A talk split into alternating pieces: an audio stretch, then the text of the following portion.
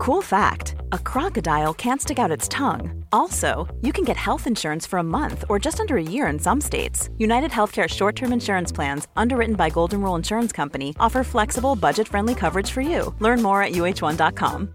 Imagine the softest sheets you've ever felt. Now imagine them getting even softer over time. That's what you'll feel with Bowl and Branch's organic cotton sheets. In a recent customer survey, 96% replied that Bowl and Branch sheets get softer with every wash. Start getting your best night's sleep in these sheets that get softer and softer for years to come. Try their sheets with a 30-night guarantee. Plus, get 15% off your first order at bowlandbranch.com. Code BUTTERY. Exclusions apply. See site for details.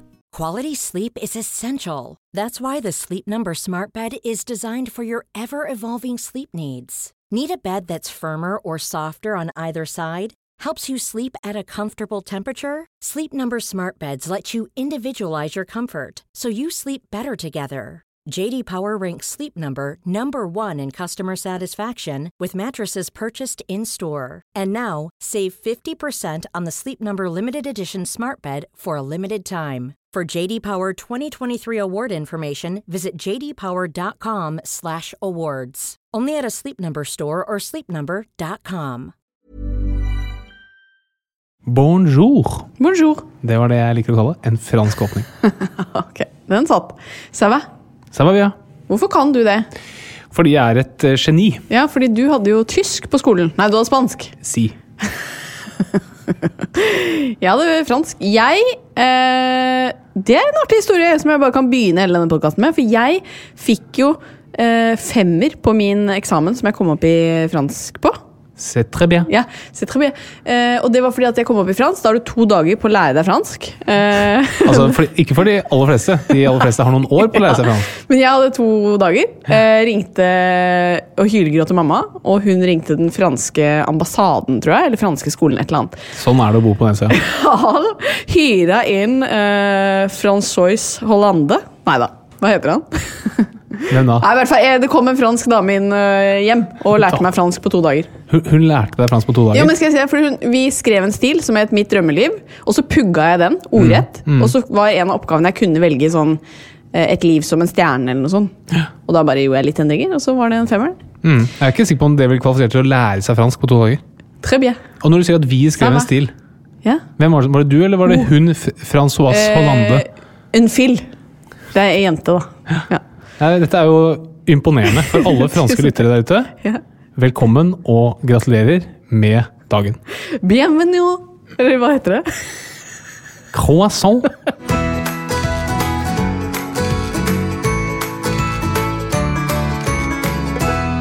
Hei, og så hyggelig at dere hører på Åpen journal. Tusen takk. Eller Åpen journal. Journal eh, abrir.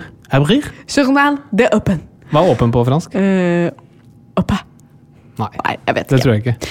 Men eh, det er i hvert fall hyggelig at folk hører på. Til tross for at vi er her. holdt jeg på å si. Det må jo, det må jo bli slitsomt i lengden for noen. Ja, også for meg. Også for deg. Men jeg har lyst til å starte denne dagen med å si hva føler du akkurat nå? Du får ikke lov å tenke så lenge. Nei, hva føler jeg? Nei, jeg føler alltid litt eh, Alltid et visst angstnivå. Gjør du det? Nei, ikke sånn, men alt det er liksom ligger i kroppen. Ja. Eh, litt glede. Litt eh, stress. Litt eh, sorg.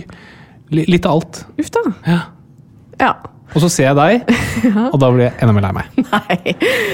Ok, men eh, det var jo litt sånn Og eh, jeg har glede òg. Jeg sa det. Ja, du er glad, ja. Takk som spør. Jeg føler meg, eh, jeg føler meg veldig glad. Har sånn våryr følelse i kroppen. Oi! Jeg føler jeg er lettere til sinns enn deg. Våryr. Da, mine damer og herrer, kan Ja. du bjuda på oss enkelte sjanser. Det kan godt hende. Ja, Men grunnen til at jeg spør, er at i dag så blir det en episode full av følelser. Fordi det skal handle om glede, sinne, forelskelse og mye mer.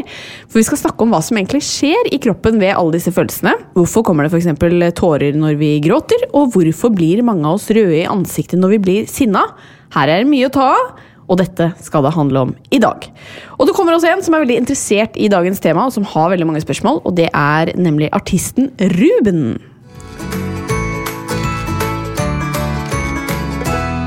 Åssen har uka di vært, skatten min? Den har vært eh, storartet. Har den det? Og denne uken da har det vært Fukt i underetasjen. I kjelleren. I kjelleren. Ja. Det kunne vært eh, noe positivt. Eh, fukt i underetasjen. Det er det ikke hos oss. Nei. Der er det vann på, Ja. på gulvet.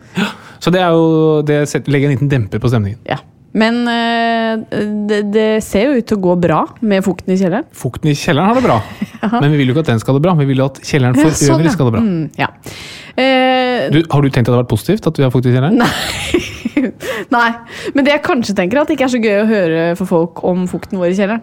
Ja vel. Ja. Da beklager jeg det. Og så vil jeg gjerne høre hva du har å bidra med fra din siste interessante uke. Du, jeg eh, Det har vært eh, noen sportsbegivenheter de siste ukene som har vært helt fantastiske, med både VM i skiskyting, VM i langrenn, eh, mye bra fotball for Manchester United.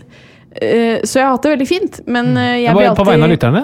Utrolig interessant. Tusen takk. Jo, men Tusen takk. Problemet mitt blir at jeg gruer meg allerede nå til eh, f.eks. skisesongen er over. Ja, Hva skal man fylle helgene med? mm, Nå som det er korona og ingenting å finne på. Utrolig interessant. Tusen takk. Følgerne vil ha mer. Eh, det jeg vil ha mer av, er i så fall eh, Haralds variant av pleieforholdet. Ja. Det er din tur i dag. Det er min tur i dag. Det er min tur til å komme med eh, mitt innspill til hvordan forholdet kan eh, være bra. Ja. Og denne uken her så innebærer det et lydklipp. Hvis det er en sånn øh, klippa sammen fiselyd, så gidder jeg ikke å høre. Nei, og det er det overhodet ikke. Og den lyden, det er denne her.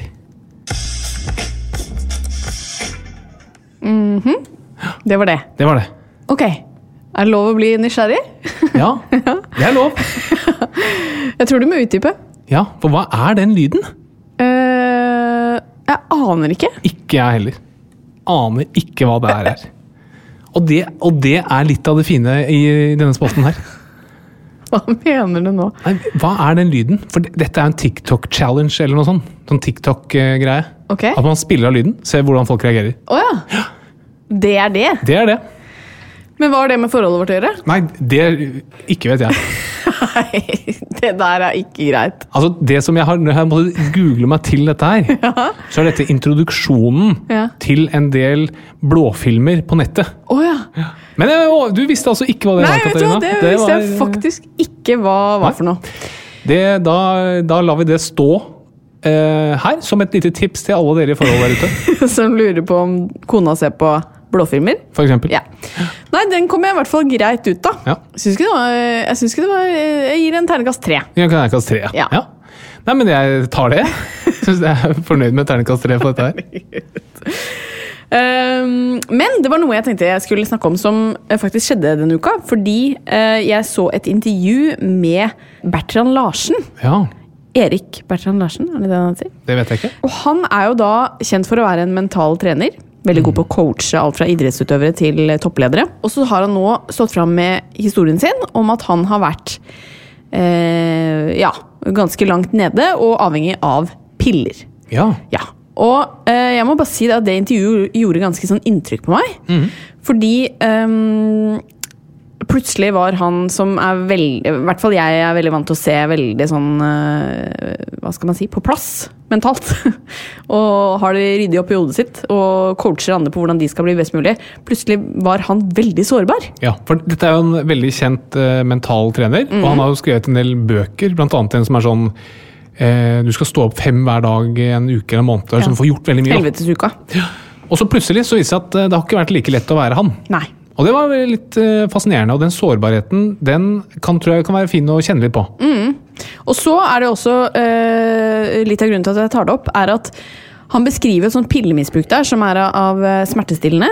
Um, Uh, og som på en måte døyvet hans smerte i løpet av dagen. Da, uh, og på en måte nulla ut følelsene hans. Eh, og dette med sånn pilleavhengighet det tenker jeg egentlig er noe vi kan snakke om i en fremtidig episode. fordi det er jo ganske utbredt. Det er veldig utbredt. Og, mm, og han sa han sto på en del sånn sterke smertestillende. Og han var jo en bilulykke på 90-tallet, tror jeg, hvor han fikk noe smerter og sånn ettervirkninger. Og så har han sikkert brukt eh, smertestillende litt av og på etter dette. Og dette er jo ting han har fortalt, da, selvfølgelig. Og det tror jeg at um, man skal huske litt på. Sånn med, med misbruk av smertestillende er veldig utbredt. Og alle som har jobbet på særlig private legevakter, ser det ganske mye. Folk som kommer og trenger smertestillende tabletter. Uh, og Det skal man være litt obs på. og Det som er litt skummelt ofte, er at man har jo alltid en eller annen knagg å henge det på. Det er veldig få som bruker sånne typer smertestillende og som tenker at man er avhengig, eller gjør det fordi man er avhengig. Man har alltid en eller annen smerte Eh, om det er etter en eh, nakkeskade eller et eh, traume. Og det kan fort skli ut og bli til et misbruk, sånn som det var hos Bertan Larsen. Mm. Det er ikke dermed sagt at du ikke skal stå på smertestillende hvis du har smerter, og dette er et problem for veldig mange, at de har smerter og trenger smertestillende. Mm. Men det kan absolutt skli ut, sånn som det gjorde for han. Og mm. det å se en mann som er så sterk utad og lever av å gjøre andre sterkere, og se han så sårbar, det var en opplevelse. Mm. Så mm, jeg tenker at det kan være et eh, fint tema å ta opp eh, senere. For jeg tenker at det er jo også et ansvar hos legen her, som skriver ut disse pillene. Ja, og det er veldig vanskelig. akkurat den problemstillingen. Noen kommer ja. inn, de har stått på den type smertestillende veldig lenge. De er mm. selv også overbevist om at um, de må ha det pga. Mm. smerter. og så er det jo ofte sånn at disse smertestillende de gir også en rus. og Det er jo mm. derfor han har tatt det, blant annet. Og den der å finne ut hva er det jeg tar fordi jeg har smerter, og hva er det jeg tar fordi det gir en ruseffekt, det er ikke alltid så lett å se. Nei, og jeg husker eh, da jeg hadde praksis uh, i, som allmennlege, så uh, møtte jeg jo på pasienter som hadde denne problematikken. Uh, og blant annet så var det noen som sant, kom De fikk noe skrevet ut, og så kom de uka etter og sa at de hadde mistet de da. Yeah. Og da er det veldig vanskelig. Skal jeg da på en måte stå på mitt og si at men disse er veldig vanedannende, eller skal jeg stole på at de har mista de? Det er jo veldig vanskelig. Kanskje er, de har mista de? Det er veldig vanskelig. og Jeg husker det jeg hadde en første vakt på legevakt, og da kom det en ung jente. Og som hadde, og da så jeg hvor hun bodde. Hun bodde i en helt annen del av eh, byen. Eller hun bodde egentlig utenfor byen. Ja. Og Hun kom inn, og det var fordi hun hadde vært forferdelig uheldig, mistet alle tablettene sine. Nå skulle hun en uke bo hos faren sin, og de bodde et sted hvor det ikke var noe apotek, ingenting, så nå trengte hun én ukes rasjon da, av sterke mm. smertestillende. Og Hvis du er en ung, naiv lege, så er det lett å kjøpe mm. den historien. Men det er dessverre en eh, eh hos denne pasienten et, Hun var en, en, som brukte veldig veldig mye smertestillende. Mm. Eh, og det var ikke noe hold i den historien. Hvordan vet du det? Fordi eh, jeg sa at jeg, jeg begynte å ane litt uråd. Så da sa jeg du, hvis jeg skal gjøre dette, her, så er jeg nesten nødt til å gå inn og se i det som heter reseptformidleren. Ja. Er det greit for deg at jeg går inn og ser? Og sa ja, ja. Og så gikk jeg inn og så, og der var det veldig veldig mange forskjellige leger som hadde skrevet ut mm. Eh, sterk smertestillende. Og noen hadde også tatt seg bryet med å si jeg har skrevet ut smertestillende til denne pasienten mot at hun ikke går noe annet sted. Ja, og så kom hun til meg. Ja, Det der er kjempevanskelig. Så det er veldig vanskelig. Men det sier eh, Ja, det sier jo litt når til og med han eh, havner utpå. Det er lett å bli avhengig, og det er lett å, og, og vanskelig å komme seg ut av. Så... Absolutt, og det er mange som sliter med det, og det er mm. problematisk. Jeg personlig har aldri tatt sånn sterk smertestillende, og jeg er også veldig redd for å gjøre det. Jeg er helt enig. Fordi jeg er så redd for at man kjenner at det er veldig greit. og ja alle som uh, drikker veldig mye, det er liksom litt lettere å se utad. Mm. Og er, du klarer aldri å ha en legitim unnskyldning for å drikke mye alkohol. Mens Nei. hvis du bruker mye smertestillende, som alltid er forskrevet av legen, så er det kanskje lettere å ha en legitim unnskyldning. Mm. Nå skal vi ikke stigmatisere alle som bruker smertestillende, for det er et veldig Absolutt nødvendig. Ikke. Men man kan i hvert fall ta en liten runde med seg selv, eller kanskje med legen sin. Man sier sånn Kan det være at en del av de smertestillende jeg bruker, er for andre ting enn smertene? Mm. Absolutt en problematikk vi kan gå dypere inn i, men det får bli ved en senere anledning. For i dag så skal det handle om noe helt annet. Vi har jo med oss vår faste annonsør, og det er Boots apotek. Og akkurat som oss så er de opptatt av å gi gode råd og tips til folk. Det er helt riktig, og hvis du tar turen innom et Boots apotek, så kan du være helt sikker på at du får hjelp av dyktige farmasøyter og autorisert helsepersonell, som hjelper deg å finne løsninger på dine helseutfordringer. I dag så skal det handle om følelser. Og øh, jeg merka når jeg jobba med denne episoden, at jeg tenkte sånn Oi, nå føler jeg meg nesten litt sånn øh, guruaktig. Litt sånn øh, sjaman. Oi. Fordi dette med følelser er jo litt sånn vanskelig å få liksom, grep om. Men det er også veldig fascinerende, fordi det skjer jo veldig mye sånn kroppslige reaksjoner når vi føler ulike ting. Ja. Så jeg syns dette er veldig spennende. Um, men du kan jo begynne med å forklare hva følelser egentlig er for noe. Ja, altså En følelse det er jo en opplevelse eller en bevegelse i sinnet vårt. Og denne bevegelsen det kommer som et resultat av krefter enten utenfra eller innenfra. Og Et eksempel på det er at du vil jo oppleve glede hvis du vinner i Lotto. Eller du får angst bare du tenker på at du en dag skal dø. Noen i hvert fall det da. Og her er jo gleden, eller angsten, det er følelsene. Det er altså navnet på den tilstanden eller den opplevelsen man har i sinnet. Og det kommer av at det sendes ut egne signalstoffer i hjernen, altså nevrotransmittere, som gir beskjed fra en celle til en annen, og som gjør at vi da føler disse følelsene.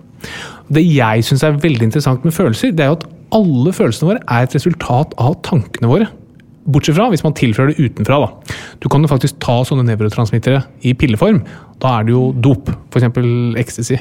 Men bortsett fra da, så vil alltid tankene våre være årsak til følelsene. Mm. F.eks. Joe Biden vant eh, valget i USA. Mm. Da vil noen bli veldig veldig glad, mens andre blir veldig veldig lei seg. Mm. Så det er samme hendelse som skjer, men basert på hvilke tanker du har rundt enten Donald Trump eller Joe Biden, så blir du enten glad eller lei deg. Mm.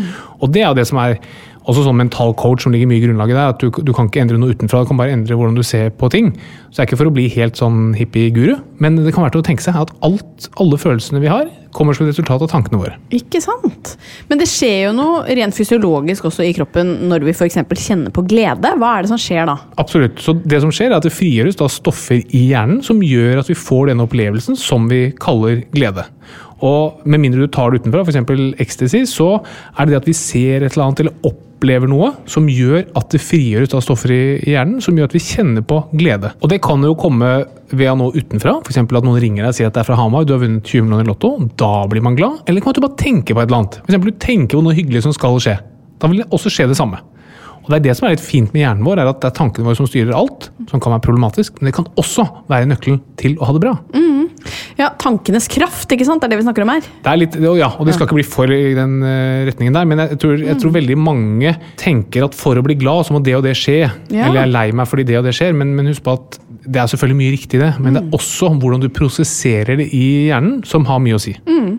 Men du nevner jo ecstasy. At du kan på en måte ta det, og så tilfører du en slags nevrotransmitter. da. Ja. Hva, hvilket stoff er det vi snakker om? Er det eh, dopamin? Er det noe annet? Ja, det er ja, MDMA, og det, det, tror jeg agerer som dopamin. Ja. Eh, blant annet i hjernen. Vi har jo mange forskjellige typer eh, nevrotransmittere, blant annet dopamin. Og du kan da ta stoffer som imiterer de, som ligner på det, så kroppen tror at oi, her, shit, her kommer det masse dopamin. Supert. Det gir en følelse av glede. Mm. Så det er jo tanken bak uh, rus. Ja, Men hva skjer i kroppen ved sinne, da? Ja, Sinne er litt mer komplisert, for det kommer gjerne som et resultat av en annen følelse. Altså Når vi blir sinte, så er det fordi det har skjedd et eller annet som gjør oss gjerne lei oss eller redd. Og så vil sinne kunne bidra til å rette opp det igjen. Mm. Det er som tanken bak sinne. da. Så Sinne vil også være et resultat av nevrotransmittere i hjernen, men som da også fører til utskillelse av hormoner i kroppen, som adrenalin. Og Det betyr at pulsen stiger, vi føler oss varmere vi får mer blod til musklene. Så det er som tanken bak sinne at det har skjedd et eller annet gærent, jeg blir lei meg, nå skal jeg få rettet opp det igjen. Mm. Da må jeg uh, gå og slåss. Og da innstiller kroppen seg på at nå skal jeg få rettet opp den uretten som er gjort. Mm. Og så har vi sorg. Hva, det har vi jo egentlig hatt en hel episode om tidligere, men hva skjer kort fortalt da? Ja, sorg er jo tristhet eller nedstemthet som oppstår som et resultat av tap, gjerne. F.eks. hvis man mister noen som står deg nær. Og Da vil jo man få mange følelser som er et resultat av tankene også her, som man har rundt denne hendelsen. F.eks. Mm. at man kjenner på tomhet, eller rastløshet, eller meningsløshet, eller nedstemthet. Man tenker på åh, tenk alt vi kunne gjort sammen, eller tenk på de fine minnene. Og så vil det resultere i denne sorgfølelsen. Mm. Men det kan jo sant, Det høres jo veldig sånn ut som at hvis det bare er tankene som det nesten skal ryddes opp i, så blir det bra igjen. Men, men sorg kan jo være veldig sånn fysisk også. Du kan jo miste alt fra matlyst til å ja. Ja, så Sorg er en veldig viktig prosess, og mm. det, er en, det er en eh, utrolig nyttig prosess. Men det er et resultat også av tankene våre. Mm. Uten å si at du skal fikse tankene, så slipper du sorg. Jeg tror ingen vil leve i et samfunn hvor det ikke er noe sorg knyttet til hvis noen går bort. Mm. Eh, men så sorg vil vi gjerne. Hvis noen kommer og sier du, nå gikk eh, ektemannen min bort, jeg er ikke lei meg i det hele tatt, det ville vært et problem. Mm. Og så kan du også si at hvis man ikke klarer å komme seg etter kanskje et uh, halvt år eller et år mm. med sorg etter at noen har gått bort, da må man si at ok, nå har den, blitt, nå har den reaksjonen kanskje blitt litt for heftig. Ja. Nå må vi prøve å jobbe litt mer for å komme oss opp igjen, da. Mm. Men noe som er hyggeligere enn sorg, er jo forelskelse. Og uh, man kan jo kjenne at det liksom kiler i magen når man tenker på Når jeg tenker på deg, Harald. Ja.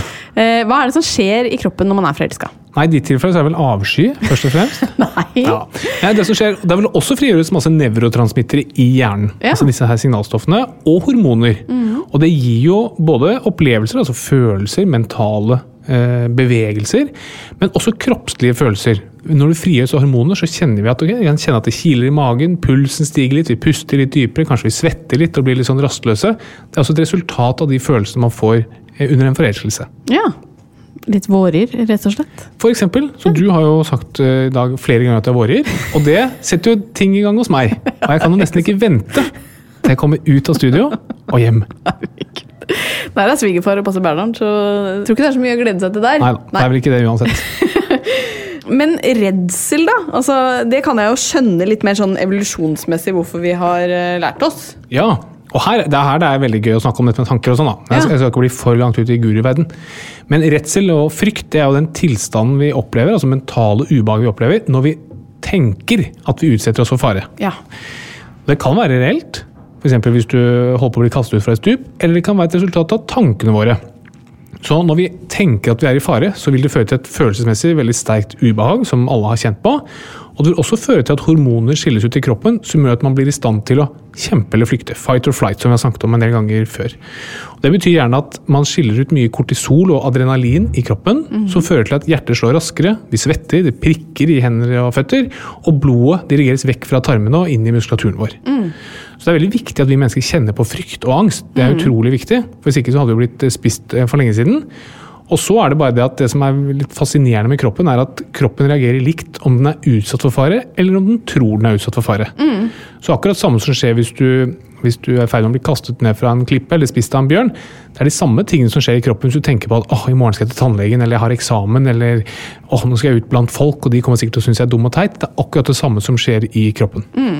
Men det, akkurat det der syns jeg er fascinerende, fordi det er jo mer sånn Av erfaring så vet vi at eh, en bjørn er farlig, så den ble, bør jeg bli redd hvis den løper mot meg.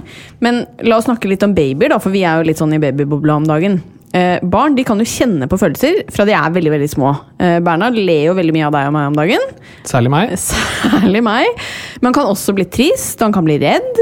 Og hvordan er egentlig det for barn? For han vet jo egentlig ikke forskjell på hva, hvorfor han skal bli redd for noe. Hvis, skjønner du spørsmålet mitt? Ja, altså Hvis det kommer en bjørn mot Bernhard, så Ja. vet ikke han at en bjørn er farlig. Ja, ja Det er et uh, interessant spørsmål. Altså Man er jo født med en del programmer. Altså man, Det ligger en del ting ferdig programmert når man blir født. Du kan se på dyr, eksempel, så er det noen som kan gå allerede fra de blir født, uten at de på en måte har lært det. Det ligger bare programmert inne. Mens når det kommer til å, å gå, så må mennesker lære det over lang tid. ikke sant? Over et år tar det for å lære seg å gå. Ja. Noe så basalt og enkelt. Men til gjengjeld så er jo mennesker ekstremt sosiale. De er veldig avhengige av hverandre. Så dette med følelser og evnen til å uttrykke følelser er veldig veldig godt utviklet. da. Og der er det nok det at man fra, fra man er bitte små har programmer i hjernen som sier at høye lyder eller ting som kommer veldig raskt mot deg, det er uttrykk for noe farlig. Ja. Så Hvis du, hvis du skriker i beina og løper mot han, Ja, ja. selv om han ikke tenker at åh, han skal sikkert drepe meg, så skjønner han at ok, dette er sannsynligvis forbundet med noe fare. For det ligger liksom i, i programmeringen vi fikk, eh, han hadde da vi fikk han. Ja da, og jeg kan jo merke hvis jeg sier liksom bø, så kan det ta litt tid før han, han vurderer om han skal bli redd eller glad. Men hvis jeg smiler, så smiler han. Så det er jo veldig fascinerende. Ja. Men vi er jo veldig ulike når det kommer til følelsene våre. Altså Noen blir jo liksom røde og fysisk aggressive når de blir sinna, mens andre gråter og blir kanskje stille. Hvorfor er man forskjellig sånn, da? Mm, En ting er hvordan vi er utstyrt eh, genetisk. Noen er mer utsatt for å, altså lavere terskel for å bli redde enn eh, andre. Og så spiller kjønn en ganske stor rolle, med hormoner og hvordan vi eller kvinner og menn er forskjellige. Og så vil miljø også spille en veldig stor rolle. Og har du fått lære da du var barn at det er greit å vise følelser? Eller har du måttet lære at det må du holde inni deg, for det er ikke, det er ikke rom for i familien din? Er du vant til at følelsene dine gir resultater? At når du uttrykker den, så får du responsen du ønsker? Eller er du vant til at når du viser følelser, så blir du ledd av? Det spiller også en veldig, veldig stor rolle for hvordan vi lærer opp følelsene våre, og hvordan vi skal agere på de når vi blir voksne. Og det er jo veldig forskjellig hvem som på en måte eh, gråter mye, gråter lite. Um, og jeg vet at nettopp det med tårer og gråt, det er noe som dagens gjest har ganske mange spørsmål om. Så eh, jeg tenker at vi skal få inn dagens gjest eh, ganske snart. Men først dagens lyttespørsmål.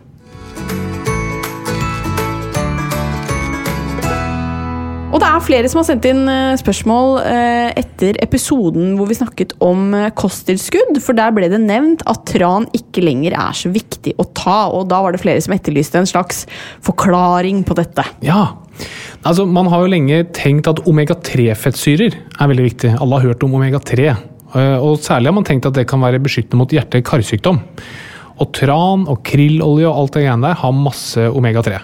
Og så har tran også litt D-vitamin. Eh, Men så er det nå de siste årene egentlig kommet stadig mer bevis for at dette med omega-3-tilskudd har ikke noe særlig effekt på hjerte-karsykdom. Det har ikke så mye effekt som man trodde. Og det er derfor man tar tran, nettopp pga. omega-3.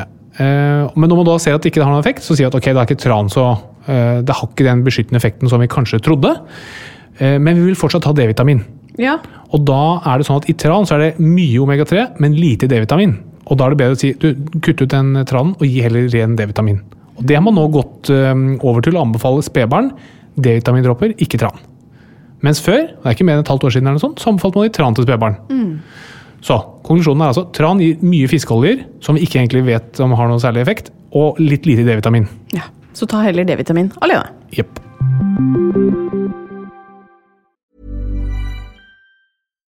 One size fits all seems like a good idea for clothes until you try them on. Same goes for healthcare. That's why United Healthcare offers flexible, budget friendly coverage for medical, vision, dental, and more. Learn more at uh1.com. When you're ready to pop the question, the last thing you want to do is second guess the ring. At Bluenile.com, you can design a one of a kind ring with the ease and convenience of shopping online. Choose your diamond and setting. When you find the one, you'll get it delivered right to your door. Go to Bluenile.com and use promo code LISTEN to get $50 off your purchase of $500 or more. That's code LISTEN at Bluenile.com for $50 off your purchase. Bluenile.com code LISTEN.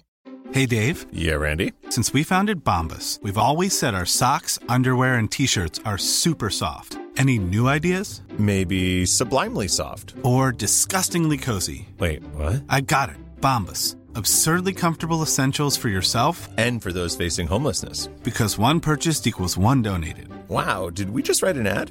Yes. Bombas. Big comfort for everyone. Go to bombas.com slash ACAST and use code ACAST for 20% off your first purchase.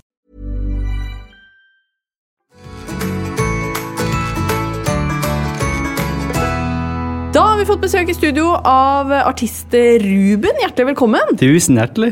Du, eh, du kom inn her eh, ganske sånn blid og fornøyd. ja. Hvorfor er du så glad i dag? Nei, jeg har gått tur. Jeg tror jeg kommer sikkert noe med det å gjøre, så jeg har drukket litt kaffe. Da blir jeg litt sånn oppe der. Eh, men har du det bra om dagen? Du jeg har det veldig bra om dagen. Jeg tar liksom mer Eller sånn Det, det, siste, det siste året, da, så har jeg fått mye tid til å liksom ta vare på meg sjøl og finne ut hva liksom som trigger det med at jeg kanskje får det kjipt. da. Og jeg, jeg kjenner igjen når jeg blir Eller går litt i kjelleren, da. For ofte hvis man liksom får en sånn depressiv periode, da, så legger man kanskje ikke merke til det før det er over. da. I hvert fall for min del. Så, men nå kjenner jeg litt mye av mønsteret, og da bare sånn, ok, da får jeg ta tak. Tar, liksom, kanskje trene litt, eller få litt rutiner på dagen, da, eller noe sånt. Mm. Hva er liksom det første du kjenner da? Er det liksom én ting er sånn eh, der var den, nå må vi gjøre noe? Jeg merker det veldig på humøret. da, bare Hvis jeg blir veldig giddeløs og, og jeg begynner å peke på feil som er Eller prøver å finne feil på, på liksom ytre faktorer. da, altså mm. her, Skylder på alt annet som er ikke meg. Da Da blir jeg sånn ah, Nå må jeg skjerpe meg, for at det, det er hos meg det ligger, liksom.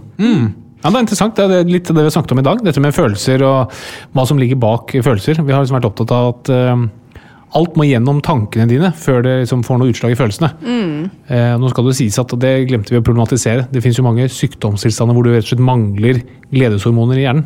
Det blir noe annet da. Men eh, det er så interessant når man begynner å bli var på det selv. fordi jeg tror det som er liksom problemet, at man klarer ikke å se seg selv utenfra. Og så tenker jeg i hvert fall nå når, det er, når man har jo ikke så mye å gjøre akkurat nå, på en måte, så er det litt sånn vanskelig. Eh, Du nevner blant annet det å liksom trene, ha litt struktur. Hvor viktig er det på en måte nå, når ikke du holder konserter og reiser rundt? Altså For min del er det veldig viktig, for at jeg har jo ingenting å gjøre. Nei. Annet enn å kanskje være i studio og lage musikk og sånn. Eh, men, Det er jo eh, litt det, da, for en artist. Jo, jo, det blir, det blir jo uh, typ strukturer, men det skjer jo ikke det samme hver dag. Men liksom det, du må planlegge liksom, ok, vi skal ha session da, da og sette opp med forskjellige folk, og det er ikke alltid folk har tid, eller at du vet hva du vil lage. liksom. Så da er sånn, det er jo, en- altså, det er kanskje vanskelig å være kreativ hele tida og tvinge det på. Sant? Men det, det er lettere på en måte å tvinge på å få til en trening. For da har du liksom lett muligheten til bare å få opp kroppen. liksom. Men står du opp til samme tid, for eksempel, hver dag nå? Nei. Jeg, jeg tar tak i ting når det blir kjipt, og ellers, ellers bare slapper jeg helt av. egentlig. Jeg venter på at det kommer og sier sånn Ok, Så nå har du det bra? ja, ja. ja. Ja, så bra. Men um, vi har snakket om følelser i dag, og det er rett og slett fordi da jeg spurte om du ville være gjest, så kom det masse spørsmål fra deg Ja. om uh, blant annet tårer. Ja, fordi at Jeg har bare tenkt på liksom emosjoner. Sånn. Spesielt hvorfor vi, vi får tårer når vi blir lei oss. Altså, hvorfor kommer det tårer ut av øynene våre? Liksom, hvordan har det hjulpet, oss gjennom evolusjon? Har det, eller har det utviklet seg gjennom evolusjon? Eller liksom, har det hjulpet oss på noen måte der? Ja, det er et veldig interessant spørsmål. Da. Altså, vi har jo tårevæske eh, for å holde øynene våre fuktige og tørre og frie for bakterier og virus og sånn. Ja. Og det har egentlig veldig mange dyr. Men vi mennesker vi har da fått en eller annen egenskap som gjør det at hvis vi får veldig sterke følelser, så sendes det signaler fra hjernen via det nerve, den delen av nervesystemet som vi ikke kontrollerer bevisst, til øynene våre om at vi skal produsere så mye tårer at det begynner å renne ut av øynene. Og det, det har man liksom lurt på lenge. Hva er liksom bakgrunnen for det? Men det man tror, er litt sånn som du sier, Ruben, at det, er annen, det har gitt oss en eller annen fordel i kommunikasjonen med andre mennesker. At nå ser man at jeg er lei meg, man ser at jeg er sårbar, og så får man støtte og eh, trøst. Og så klarer man å komme seg gjennom livet. da. Så kunne man tenke seg at de som da ikke hadde tårer, som ikke kunne signalisere utad at de trengte hjelp, da ble de etterlatt på, på ødemarken. Så det var en slags for kommunikasjon, liksom, sikkert før vi kunne bruke ord, eller? eller sånn, Ja, altså Vi ser også på noen at eh, du ser, dette med gråt Selv om du snakker eller ikke snakker, så det å, det å gråte i seg selv vekker jo gjerne følelser hos andre. Det å se Nå snakket Kalin litt om, om sportsprestasjoner. Da vi så femmila, hvor, mm. hvor eh, han russeren sant, knakk en stav og oppløp. sant? Se han sitte og gråte i målområdet, det vekker noen veldig sterke følelser. Og så er det sånn kulturelt som gjør at noen syns kanskje det er litt sterkere å se en mann gråte, fordi de gråter sjeldnere. Men jeg vekker, merker det i hvert fall veldig hos meg selv, at det vekker en del følelser å se andre gråte. Og det tror jeg har vært en fordel, at da får du litt mer støtte, litt mer empati. Kanskje folk er litt rausere, kanskje de gir deg litt av maten sin, eller du får sove i soveposen min i natt, osv. Men når eh, gråter du mye, Ruben? Det siste året så har jeg grått mye. Fordi at eh, det har vært vanskelig liksom å venne seg til det livet her som er der man skal være inne og ikke være så mye ute og ikke få gjort så mye. Eh, og så liksom Jeg ble jo sammen med min første kjæreste som jeg noen gang har hatt noensinne. liksom Jeg møtte han liksom i, i eh, november i fjor. Altså mitt første forhold, da. Så det er mye å venne seg til. da. Så det har vært veldig, veldig skummelt, det også for meg. Så jeg har grått mye, for jeg tenker liksom mye på er jeg bra nok. Gjør jeg det riktige for en person som jeg elsker mest over hele jorda? liksom. Og, så det har liksom vært eh, vanskelig. Men gråter du foran han? Ja, ja. Ja. Det gjør jeg. Det er veldig fint, da. Jo. For det, jeg tror at uh, Det er kanskje litt vanskelig å se når du er deg selv, men det er jo en ganske viktig del av kommunikasjonen, for det sier ganske mye at du gjør det. Både at man er liksom usikker, men også at man tør å være sårbar. Så det er, det er utrolig mye kommunikasjon i gråt. Mm. Ja, nei, altså det, når, jeg, altså når jeg har grått, så har jeg alltid vært liksom foran han. Så det, og vi har liksom snakka om det. Og, sånn. og det er jo mest for at jeg har slettet med meg sjøl. Men det er veldig fint at man kan liksom gråte foran noen. Jeg kan jo ofte gråte foran deg. Du gråter jo veldig sjeldent. Ja. Hvorfor det, på en måte? Altså, du må jo ha, du må ha tårer, du òg. ja, jeg har nok i hvert fall noen Jeg har jo sett deg gråte. Ja, nei, men eh, nei, jeg gråter veldig sjelden. Ja. Hvorfor gjør jeg det? Nei, Det er nok eh, sikkert noen psykologiske mekanismer. da. At, eh, og Det handler sikkert mye om sårbarhet å gjøre, og evnen til å vise sårbarhet. Og der er nok jeg veldig dårlig. At jeg er ikke så god på å vise sårbarhet. da. Men det kan jo også være at man, man kanskje bare ikke trenger det. liksom. Altså For min del så har det ofte vært at jeg har følt Eller jeg, jeg sliter ofte med å, å, å få ut tårene liksom, og begynne å gråte. For at jeg har lyst til å kjenne på det, og så blir det sånn åh, kom igjen, kropp. Gråt litt sånn at jeg kan på en måte føle på den releasen. da. Så ja. Ja, fordi det er jo også noe med at det er veldig Det er på en, en, en eller annen rar måte veldig sånn tilfredsstillende noen ganger å gråte. Ja, ja. At man etterpå føler seg helt sånn åh, ja, men ok, da var jeg ferdig med det. Mm. Hvorfor er det sånn? Vet du det? Nei, det tror jeg bare er altså, alltid så godt inne med noe samme som å snakke om ting som er vanskelige. Eh, Når du kommer til det punktet at oh, nå har jeg faktisk snakket om det, nå har jeg fått det ut, så slipper du å gå og kjenne på det innvendig. At du, du rett og slett får det ut av systemet. Jeg tror nok det er litt det samme med gråt. at Det er nok en terskel for alle å gråte. Det er bare at den terskelen er kanskje høyere eller lavere. Jeg har kanskje en litt for høy terskel. Eh, Men det at når du da sier, at du sier til deg selv indirekte at ok, her er det greit å gråte, her er det greit å vise sårbarhet, så er jo det også noe veldig fint. da. Du får sånn sluppet ut noe som er inni deg. Men jeg tror det er litt sånn som du sier, Ruben. For jeg tror, ikke du, jeg tror ikke du trenger det like mye som meg, på en måte, å gråte. Noen trenger jo å gråte mer enn andre. ja 100 håper jeg. Ja, nei, jeg håper heller ikke at jeg trenger det sånn, men jeg, jeg trenger det sikkert mer enn jeg gjør. Ja da. Ja. Men gråter du selv, da? Når du for eksempel, Kan du være på konsert og du gråter av dine egne tekster? Um, ja, eller liksom, kun én låt, og det er en låt som heter Lay by Me. For den skrev jeg om pappaen min. da. Den ble på en måte til da mot slutten av livet hans. Eh, og så er det alltid på slutten av låta når jeg står på scenen, da, så er det en rolig del. Og da begynner jeg alltid å tenke på det. Og så står jeg liksom der så føler jeg bare skikkelig på det, og så kan jeg liksom kjenne at det nesten kommer opp, men jeg klarer, klarer som ofte å holde det tilbake.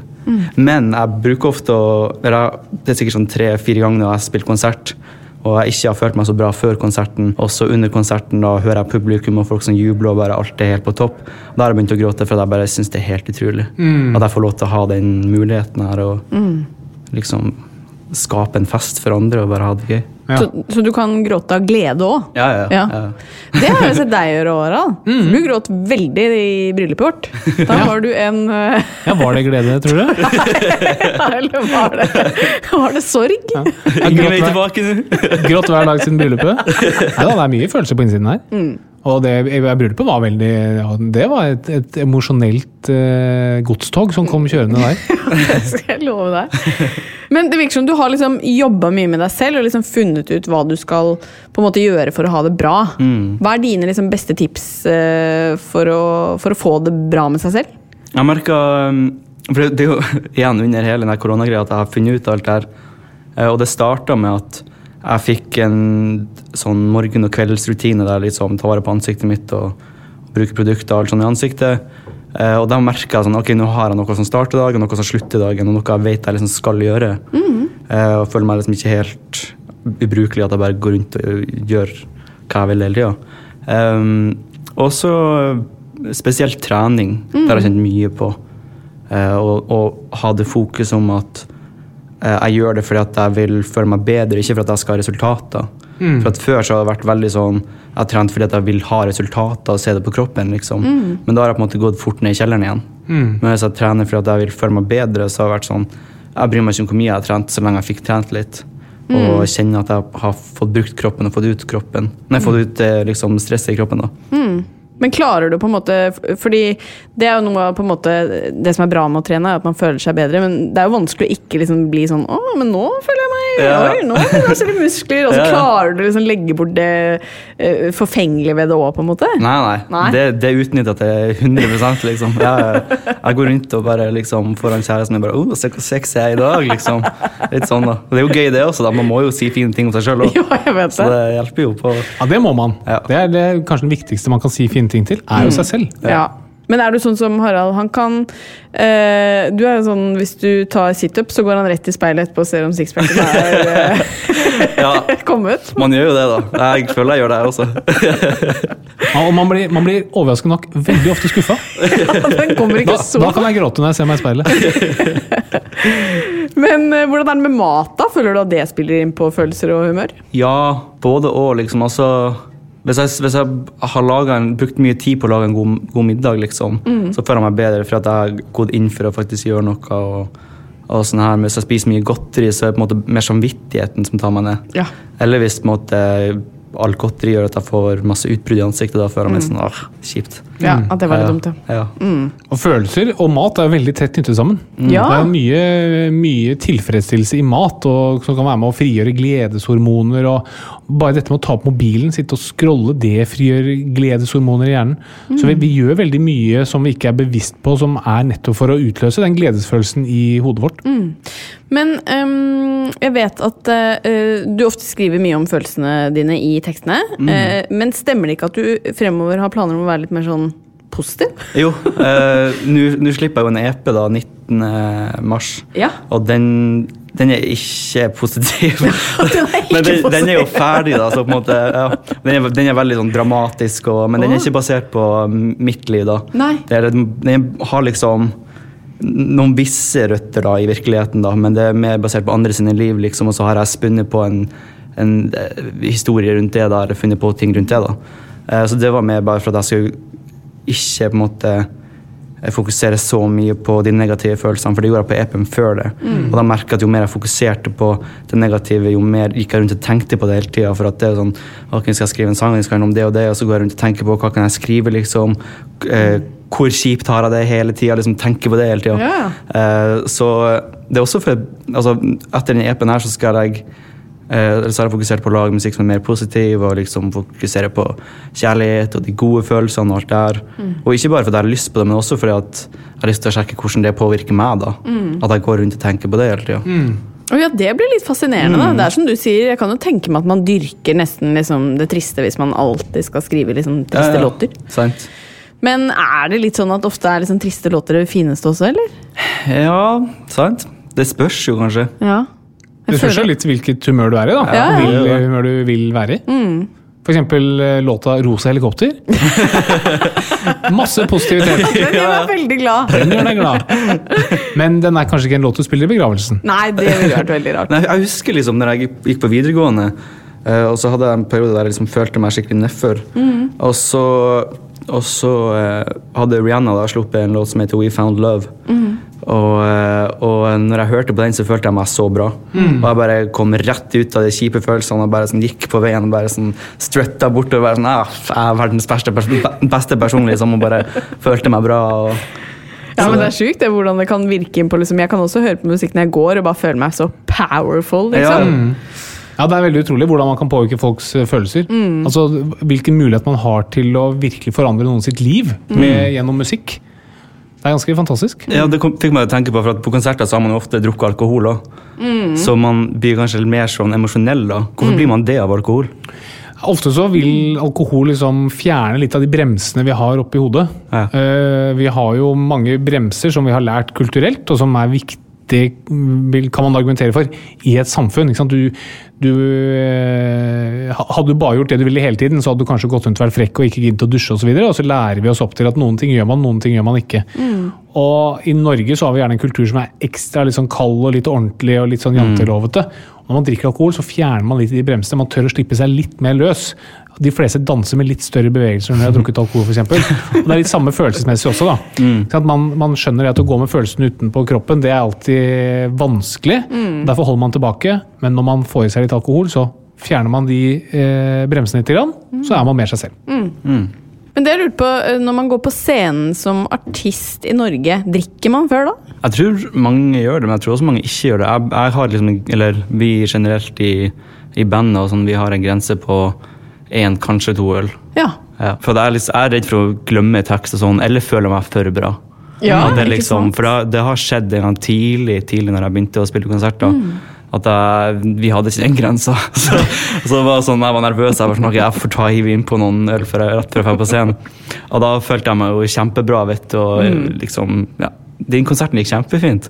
Så kom jeg tilbake liksom backstage og så var sånn Ja, det var, det var grei konsert, liksom, fikk jeg høre, men det var liksom ja, var... ja, det var ikke helt der. Aldri. Dere hadde en liten fest oppe der som ikke andre Du fikk være med feil vei. liksom. Ja, ja. Men jeg, jeg skjønte jo med en gang hvorfor, hvorfor også, da, at jeg ja, kanskje drukket et glass for mye øl. Men jeg så et sånt intervju en gang med en eh, om det var Mick Jagger eller noe sånt, som sier det at når man er artist, stor artist det der rushet du kjenner når du står på scenen, det finner du liksom ikke noe annet sted Nei. i livet. sånn at for å, Når du har kjent på det for å erstatte det, så er det veldig lett å ty til alkohol eller rusmidler. da. Så Artister er jo overrepresentert blant de som kanskje ruser seg litt mer enn andre. og jeg, jeg skjønner jo det veldig godt. At liksom det, det, det rushet man får på scenen, er noe man vil ha hjem. på en måte. Ja, altså den, Ja. den følelsen av å stå foran masse mennesker som Ja, bare står og digger deg og det du gjør. Og så idet du går av scenen, ikke sant? og så er det mandag, og så Nei, jeg får gå bort på butikken. altså Du vet hva du savner. Jeg Ja. savner jo ikke det, fordi jeg har aldri opplevd det.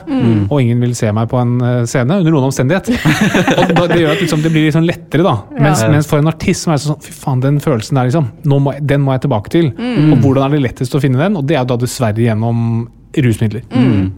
Ja.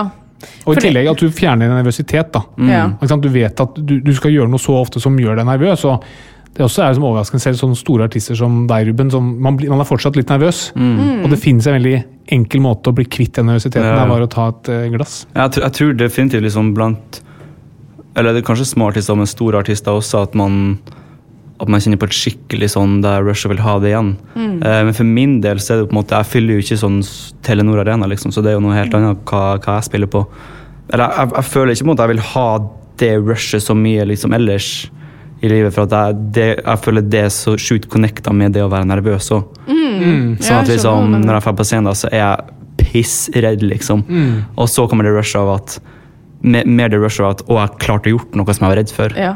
Det er mer sånn jeg tenker på det rushet, liksom. Ja. Og da, ja. Ja, og det, det, det skjønner jeg jo, men, men der er jo, det handler kanskje litt om musikken du lager. og Altså, du er jo også en skriver egen musikk, det er så veldig ektefølt, mens mange andre får jo bare musikk skrevet til seg. Det er sånn sant. inter interessant når du ser folk som på Idol eller andre talentkonkurranser spør hva drømmer du om?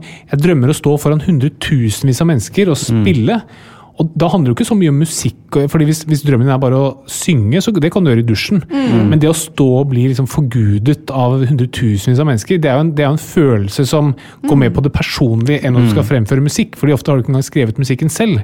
Og det ønsket om å oppleve det rushet Ja. Hvis du da først får kjenne på det, så vil du jo selvfølgelig gjøre det du kan for å oppleve Ja. det samme igjen. da.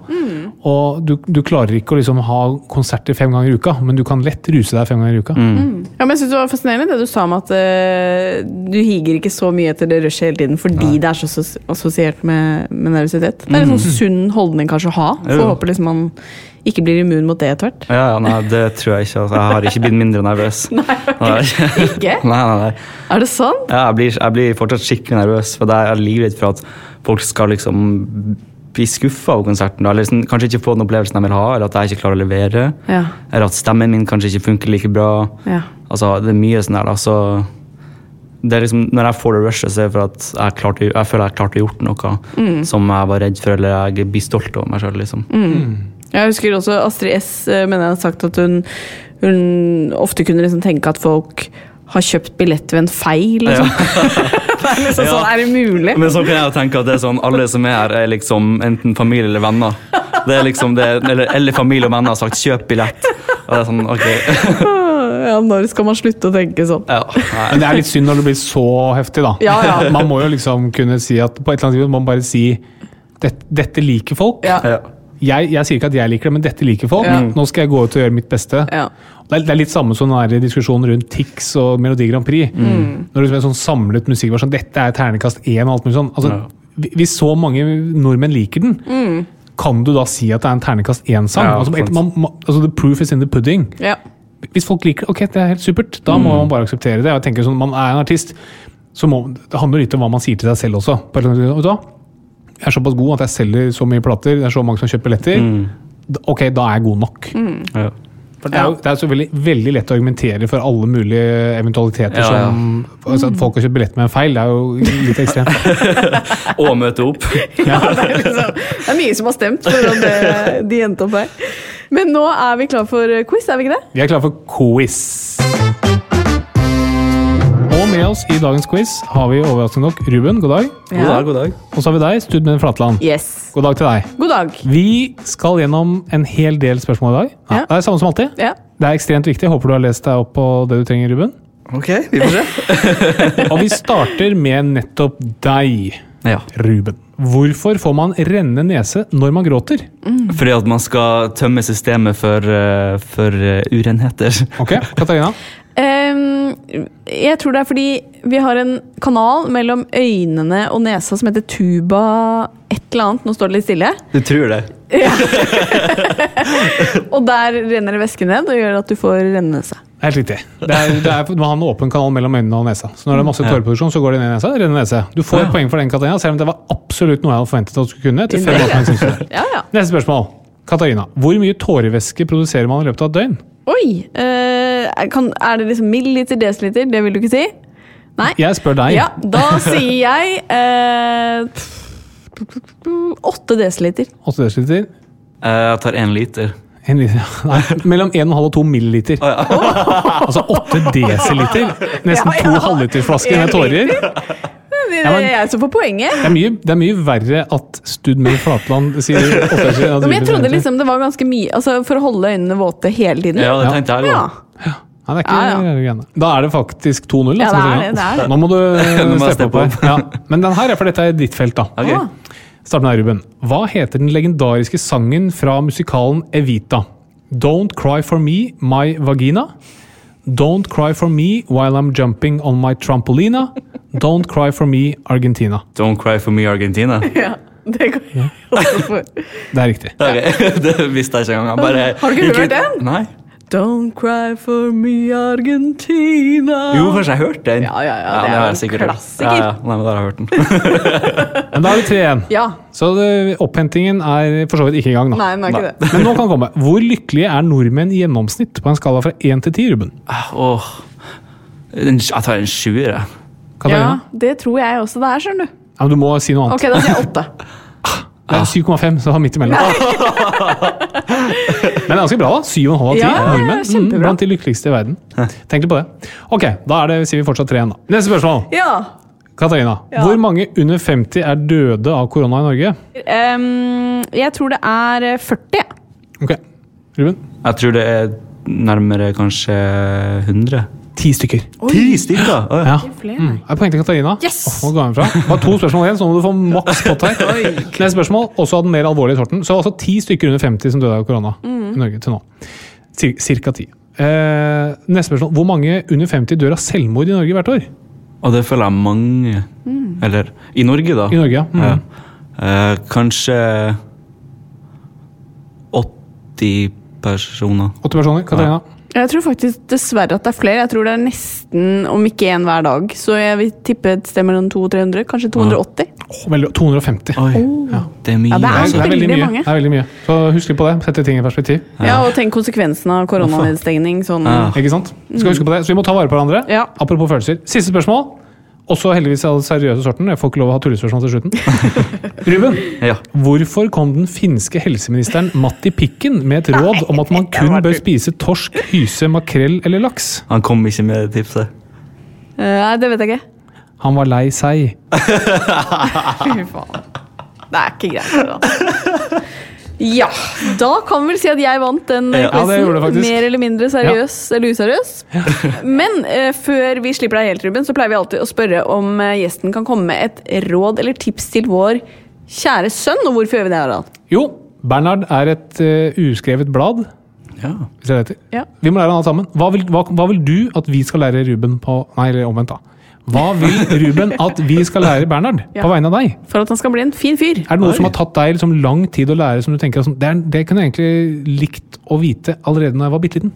Uh, ja, jeg tror faktisk Det er noe jeg har lært nylig. da At uh, folk gjør Jeg vet ikke hvordan jeg forklarer det, men vi kan på en måte kanskje sikkert diskutere det. Men at folk gjør ting basert på hva de vil sjøl, og ikke basert på hvordan de vil behandle deg, kanskje.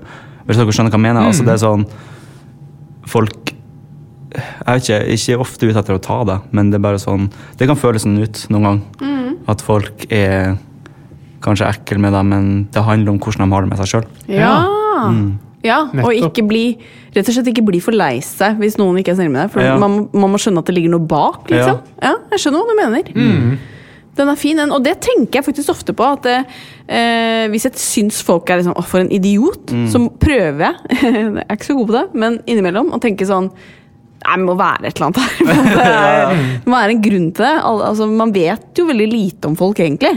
Ja, og jeg, jeg så et sånt et sitat nå nylig som er som all urett, eller altså all, alle som er, all ondskap baserer seg på et eller annet et usikkerhetsmoment, eller en, en usikkerhet hos noen. da. Så alle som er slemme med noen, det er fordi de selv ikke har det så godt. Mm. Og hvis du har det bra med deg sjøl, så er du snill med andre. Det føler jeg fall. Når jeg har det bra med meg sjøl, så jeg, jeg er utrolig hyggelig med alle andre. Ja, liksom. det er sant, det, altså. Ja, men vi skriver det ned, Haraldsen. Yes. Eh, og så sier vi bare tusen hjertelig takk for at du kom, Ruben. Det var Takk. veldig hyggelig. Takk for at jeg fikk komme. Og vi er tilbake neste uke. Det er vi. Ha det! Plan B. Hey, it's Paige DeSorbo from Giggly Squad. High quality fashion without the price tag. Say hello to Quince.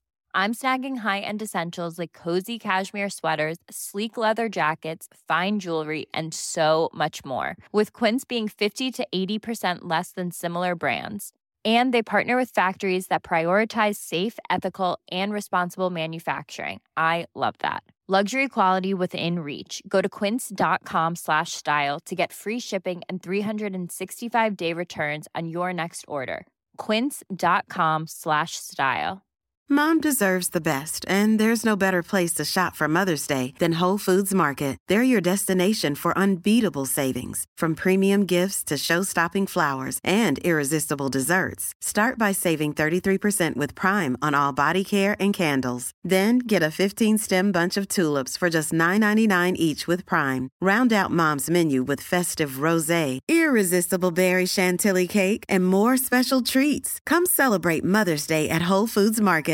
Imagine the softest sheets you've ever felt. Now imagine them getting even softer over time. That's what you'll feel with Bowl and Branch's organic cotton sheets. In a recent customer survey, 96% replied that Bowl and Branch sheets get softer with every wash. Start getting your best night's sleep in these sheets that get softer and softer for years to come. Try their sheets with a 30-night guarantee. Plus, get 15% off your first order at bowlandbranch.com. Code BUTTERY. Exclusions apply. See site for details.